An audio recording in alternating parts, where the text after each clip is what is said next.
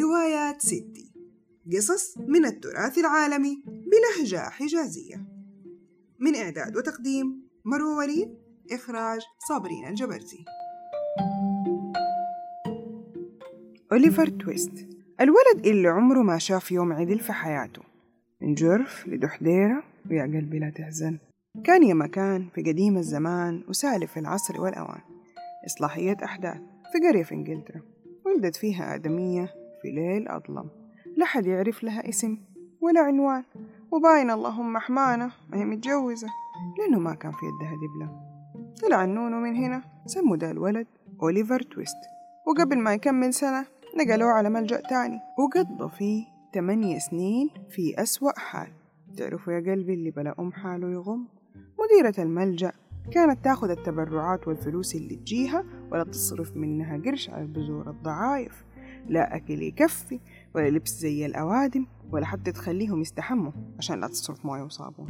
المهم أوليفر كمل تسع سنين وجاء مدير الملجأ اللي اتولد فيه عشان ياخده يقرروا في أمره.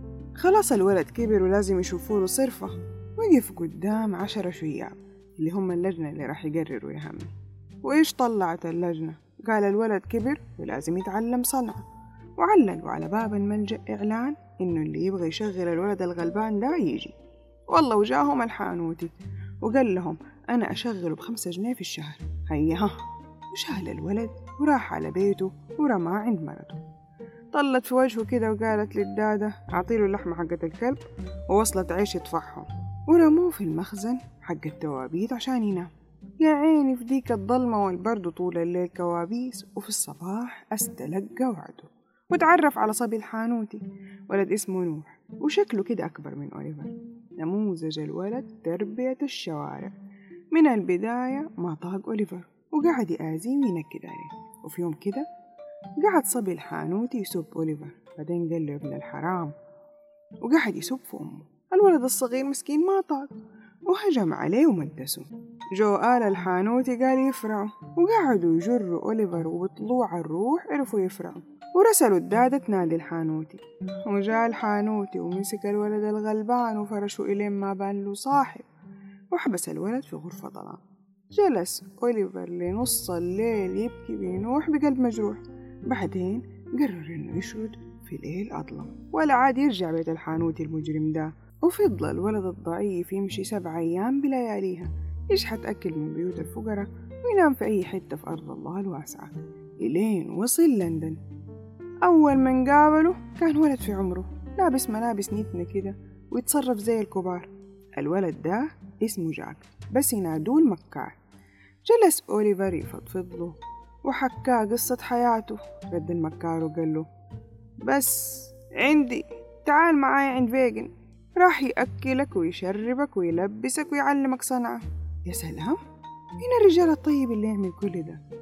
المهم والله أخدوا على حارة معفنة وفي خرابة من الخرابات لقى فيجن قاعد وسط أوباش من كل المقاسات كبار وصغار وترصوا وأكلوا. فضلت خيركم سجق. شبعتوا الحمد لله؟ هيا إيش جبتوا اليوم؟ وروني الغلة اللي سارق له مناديل حرير اللي جايب له كم قرش. التفت فيجن وقال لأوليفر ها وانت تبغى تتعلم؟ يعلمك شوية ألعاب وحركات وتجيب مناديل حرير وحاجات عليها القيمة. قال أنتوا علموني وأنا معاكم. واستلموه وقعدوا يعلموا فيه لين شرب الشغلة يلا حبيبي تطبيق عملي. أخذوه المكار وولد تاني وخرجوا يصطادوا لهم ضحية. شافوا رجال كبير كده شكله جد المال قاعد يدور في الكتب. بسرعة الولدين خطفوا منديل حرير من جبل الرجال وجريوا أوليفر مسكين أبله شافهم جري وجري. وانتبه الرجال صاحب المنديل وقال حرامية أمسكوهم. أجري لا تجري ما تمسك إلا الغلبان أوليفر. ودوه المحكمة.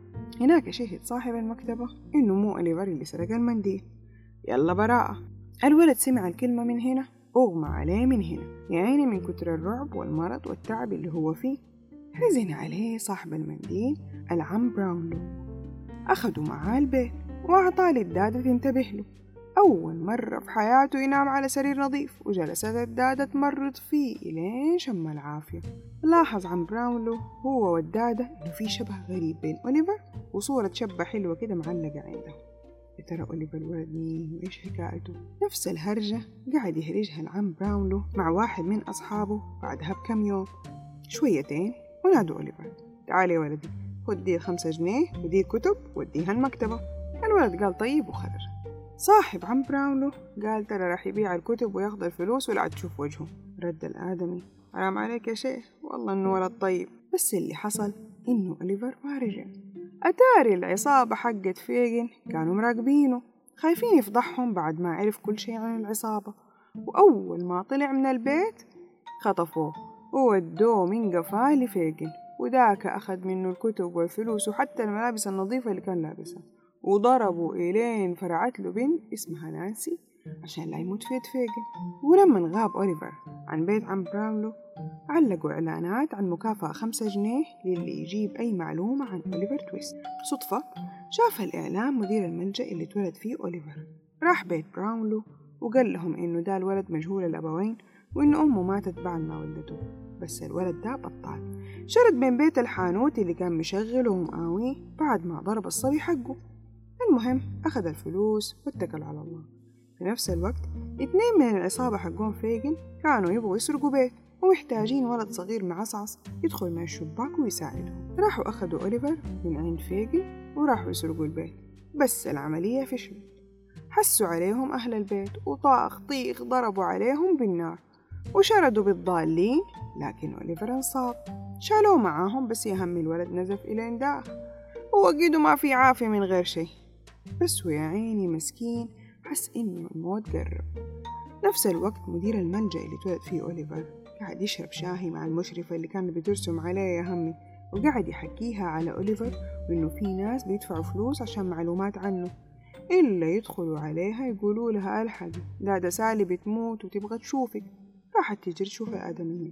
الدادة العجوزة كان في قلبها سر تبغى تفضفض قبل ما تموت. قالت دادا سالي إنها سرقت قطعة ذهب من الآدمية أم أوليفر تويست بعد ما ماتت. ورهنت قطعة الذهب ده وهو ده الإيصال. شوية وطلعت روحها. أخذت المشرفة الإيصال وراحت دفعت الرهن وأخذت قطعة الذهب دستها. قال لها عقلها يمكن تنفع بما أنه طلع في ناس بيدوروا على دا الأوليفر. نرجع تاني لفيجن على اللي سواه لما عرف إنه السرقة فشلت وأوليفر انصاب وإنهم ممكن ينكشفوا. راح يجري على بار عفن كده يقابل فيه واحد مجرم تاني اسمه مونكس. يعيني بشفايف مزرقة وأصابيع مجرحة وشكله يفجع. قال مونكس لفيجن والله يا أبو الشباب أنا ماني مسؤول عن موت أوليفر. أنا اتفقت معاك على السرقة إلين يتمسك ويسجنوا مؤبد وفجأة وقف مونكس كلام لما لاحظ إنه في حرمة رمي ابنها معاهم. وي أتاري مآسي الولد الغلبان دي كلها من تخطيط المجرم مونكس البعيد؟ طيب فين أوليفر دحين؟ الولد فاق من غشيته ما لقي أحد حوالينه. وجر نفسه بالطيب بالبطال إلين وصل أقرب بيت. وأتاري نفس البيت اللي كانوا يبغوا يسرقوه.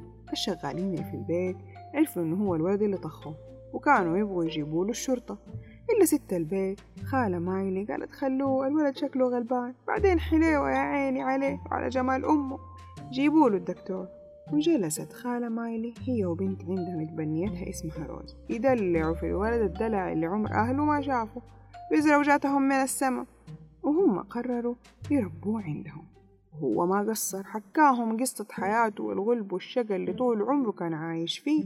وفي يوم كده ما شافوا إلا البنت روز دي تطيح عليهم مسخنة يقوم يجي هاري ولد خالة مايلي على ملا وشه يطمن على روز. بس الولد كان يحبها ويتمنى يتجوزها بس أمه ما كانت راضية. معليش أنا أحب روز بس ما تنفع لي ولدي. إحنا ما نعرف أهلها ولا هي من توبنا. المهم بعد ما فجعتهم عليها قامت بالسلام. ما علينا. في يوم والولد أوليفر كان بيلعب في الحوش إلا ويشوف لك وجه المجرم فيجن ومعاه مونكس أبو شفايف مزرقة هذاك. الولد رجع بالصوت. ألحقوني! وتلموا أهل البيت وما خلوا حتة ما فتشوا فيها. بس أتاريهم اسم الهدى. بعدها مونكس راح على الملجأ. لقى المدير والمشرفة اتجوزوا. سبحان الله بلاعة ولقت غطاها. أعطاهم رشوة وخلوهم يحكوه اللي يعرفوه عن أوليفر تويست. وقالت المشرفة إنه الآدمية أم أوليفر كانت لابسة خاتم جواز وسلسلة سرقوها منها بعد ما ماتت. وجابت العلبة اللي فيها دي الحاجات وأعطتها لمونكس هداك أبو شفايف مزرقة وأخدها ورماها في النهر عشان لا أحد يعرف لها طريق جرة. وهدد الأغبياء حقون الملجأ إنه راح يخلص عليهم لو فتحوا حلقهم لأحد تاني. كويس؟ كويس. بعد كم يوم نانسي كانت عند فيجن تبغى منه فلوس. وسمعته قاعد يتكلم مع مونكس ويحكيه قصة أوليفر تويست وإنه أخوه. ويا حسرة طيب ليش تبغى تموته ولا تسجنه؟ والله عشان لا يتقاسم معانا ورثة أبونا. وعرفت نانسي إنه مونكس مرتاح لأنه رمى الدليل الوحيد على شخصية أم أوليفر في النهر. ووعد مونكس بمكافأة كبيرة للي يقتل أوليفر ولا يوديه في داهية.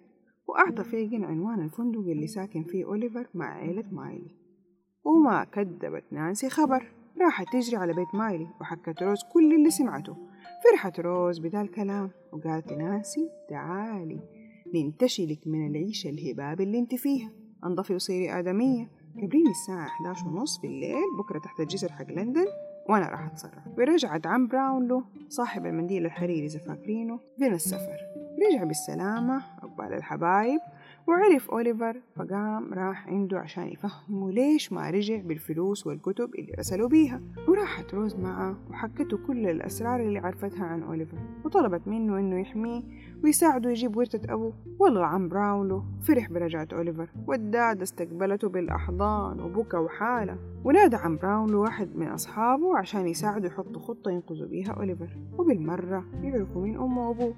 واتفقوا على إنه أحسن طريقة إنهم يجيبوا مونكس ده ويقرروه مين يقدر يساعدهم؟ ما في غير نانسي راح عم براونلو مع روز على الموعد يقابلوا نانسي وصفت لهم مونكس. قالت طويل ومعصعص شعره أسود سايح وعيونه سود وتجيله نوبات عصبية يصير يعض شفايفه عشان كده مزرقة طول الوقت. وأحيانا كمان تلاقيه عضعض أصابيعه عشان كده حمرة ومجرحة يعني الولد حاله جنان رسمي.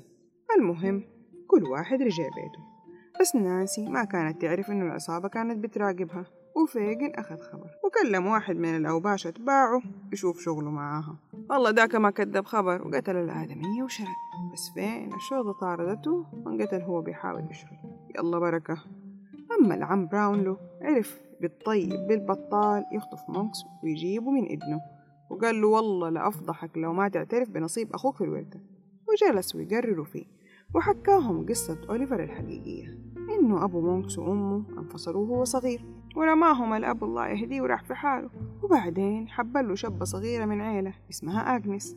هي اللي كان راسم لها صورة والعم براونلو حس إنها تشبه أوليفر أول ما شافه. ويريد ربك إنه متصابي أبو مونكس ده يطب ساكت وأغنس تكتشف إنها حامل. ويا دي الفضيحة. إيش تعمل؟ راحت قالت لأبوها. أخذها هي وأختها اللي كانت صغيرة وقتها وما تفهم. وشردوا على مدينة ما حد يعرفهم فيها. وعشان العار كمان غيروا أساميهم. وقالوا يستنوا إلين تولد البنت بالسلامة. بس آغنس خافت على أبوها من العار برضه فقررت تروح تولد في الملجأ طيب يا ندمانة ما خفتي على أبوك من العار لما حبيتي من ورا ظهره؟ ما كنت داري إنه اللي تعشق من ورا أهلها تضيع شرفها ومهرها؟ لو كان في خير اللي حبك وحبيتيه كان دق الباب. مين كان منعه؟ ما علينا الله يستر على ولايانا. الآدمية ماتت وهي بتولد. وأبوها فضل يدور عليها ويبكي على فراقها إلين مات يا حبة عيني وبقيت البنت الصغيرة يا عيني ما لها والي ولا أحد عارف إيش اسمها ولا مين أهلها. ولقتها حرمة طيبة أخذتها تربيها. وأتاريها هي روز اللي أخذتها خالة ماي اللي تربيها أتاريك يا روز طلعتي بنت ناس. والدم حن على أوليفر وطلعتي خالته. تعرفين الخالة والدة؟ بعدها انقبض على فيجن وانحكم عليه بالإعدام والمكار انسجن هو وباقي العصابة وروز اتجوزت هاري ولد عم مايلي. وتقاسموا مونكس وأوليفر ورثة أبوهم. عاشوا في تبات ونبات وخلفوا صبيان وبنات وتوتة توتة خلصت الحدوتة. عارفين كيف كان ممكن تختصر مأساة أوليفر تويست؟ لو إنه أمه وأبوه ما جابوه. غبية اللي تتجوز واحد عنده عيال كبار. حتى لو كان عنده مال قارون. هي الجاني على نفسها وعلى عيالها لأنه أول ما راح يموت راح تأكل تبن. راح تقولوا مو كل الناس وحشين. وأقول لكم معاكم حق. هي راح تأكل تبن لو ما كانوا وحشين. بس لو وحشين راح تأكل شيء تاني. في حياة جوزها وبعد ما ماتوا. ونشوفكم على خير يا حبايب مع السلامة.